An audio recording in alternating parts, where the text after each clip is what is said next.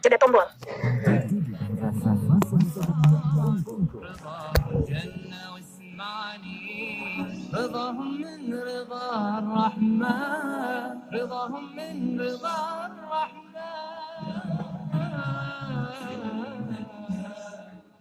Assalamualaikum warahmatullahi wabarakatuh.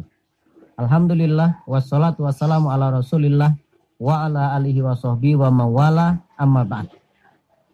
Pendengar yang budiman di mana saja Anda berada.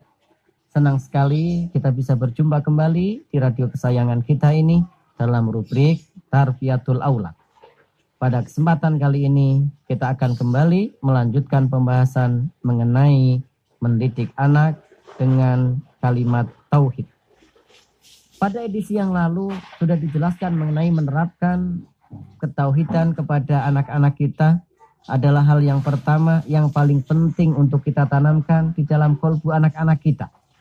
Karena sesungguhnya semua itu pula akan membawa kebaikan dan keberkahan bagi kita sendiri selaku kedua orang tuanya nanti. Adapun kelanjutannya, pendengar, hal utama yang harus diajarkan pada anak adalah mengenalkan definisi tauhid. Kenalkan pada mereka bahwa tauhid adalah keyakinan tentang keesaan Allah Azza wa Jalla dalam rububiyahnya, yaitu tentang semua penciptaan-penciptaan Allah Azza wa Jalla, mengikhlaskan ibadah hanya kepadanya, serta menetapkan nama-nama dan sifat-sifat kesempurnaan baginya.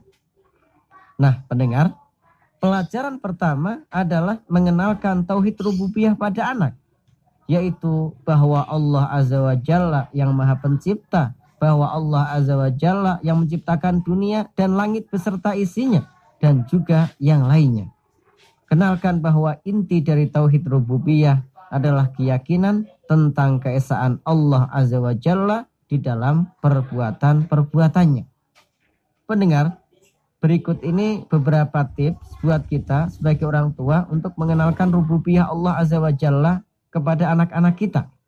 Di antaranya, yang pertama, tanamkan keyakinan bahwa Allah Azza wa Jalla adalah satu-satunya pencipta seluruh makhluk. Hal ini sebagaimana firman Allah Azza wa Jalla di dalam Al-Quran, surat Az-Zumar ayat 62, Allahu khaliqu kulli syai' wa huwa ala kulli syai'in wakil. Allah pencipta segala sesuatu dan Allah maha memelihara atas segala sesuatu. Pendengar, dengan cara yang pertama ini kita bisa mengatakan pada si kecil dengan berkata, sayang, segala sesuatu di dunia ini yang menciptakan hanya Allah semata. Bumi, langit, lautan, matahari, bulan, dan bintang serta kita semua ini ciptaan Allah. Tidak ada yang bisa menciptakan semua itu kecuali Allah Subhanahu wa taala. Selanjutnya yang kedua, tanamkan bahwa Allah lah pemberi rizki kepada seluruh manusia dan makhluk lainnya. Sebagaimana firman Allah Azza wa Jalla di dalam Al-Quran surat Hud ayat yang ke-6. Wa ma min fil ardi illa 'alallahi rizquha dan tidak ada suatu binatang melata pun di muka bumi ini melainkan Allah lah yang memberi rizkinya. Pendengar, dengan cara yang kedua ini kita selaku orang tuanya mengatakan pada anak bahwa Allah Azza wa Jalla berkuasa memberi rizki kepada semua makhluknya. Manusia, burung-burung, ikan di lautan, hewan ternak, dan hewan melata yang kecil. Semua diberi rizki oleh Allah Azza wa Jalla. Selain itu, sampaikan pula pada anak untuk senantiasa mengucapkan terima kasih bila mendapatkan sesuatu dari seseorang. Dan jangan lupa untuk membiasakan anak bersyukur dengan mengucapkan Alhamdulillah. Berikan pengertian pada anak bahwa yang memberi rezeki adalah Allah Azza wa Jalla semata.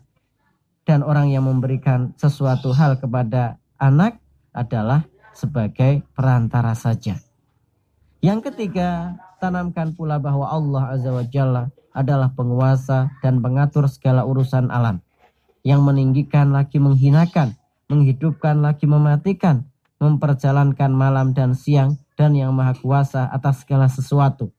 Sebagaimana Allah Azza wa Jalla berfirman di dalam surat Ali Imran ayat ke-26 sampai 27 yang artinya katakanlah Muhammad wahai Tuhan yang mempunyai kerajaan engkau berikan kerajaan kepada orang yang engkau kehendaki dan engkau cabut kerajaan dari orang yang engkau kehendaki engkau muliakan orang yang engkau kehendaki dan engkau hinakan orang yang engkau kehendaki dan di tangan engkaulah segala kebijakan. Sesungguhnya engkau maha kuasa atas segala sesuatu. Engkau masukkan malam ke dalam siang dan engkau masukkan siang ke dalam malam. Engkau keluarkan yang hidup dari yang mati dan engkau keluarkan yang mati dari yang hidup. Dan engkau beri rizki siapa yang engkau kehendaki tanpa batas. Pendengar, sampaikanlah pada anak kita bahwa segala urusan di alam ini yang mengatur keseluruhannya adalah Allah Azza wa Jal. Tidak ada yang lain. Yang meninggikan maupun yang menghinakan. Juga yang menghidupkan serta mematikan adalah Allah Azza wa Jal.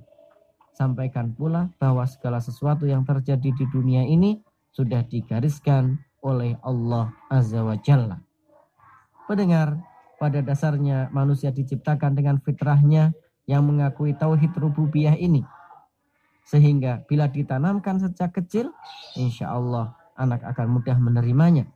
Kalau kita menanamkan tauhid rububiyah, maka seorang anak akan mengimani tiga hal, yaitu yang pertama, beriman kepada perbuatan-perbuatan Allah Azza wa Jalla secara umum seperti mencipta, memberi rizki, menghidupkan, dan mematikan, dan lain-lainnya. Yang kedua, beriman kepada kodok dan kodar Allah Azza wa Jalla. Dan yang ketiga, beriman kepada keesaan zatnya. Pendengar yang budiman, demikianlah pembahasan kita pada edisi kali ini. Semoga menjadi motivasi bagi kita untuk lebih memperhatikan dalam pendidikan anak kita. Karena pada gilirannya semua itu manfaatnya untuk kebaikan diri kita sendiri di dunia dan akhirat nanti. Semoga Allah Azza wa Jalla menganugerahkan kepada kita istri-istri dan keturunan kita sebagai aset kebahagiaan kita di dunia maupun di akhirat kelak.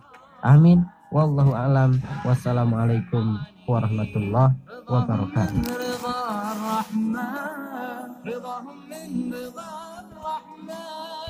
Stop tombol.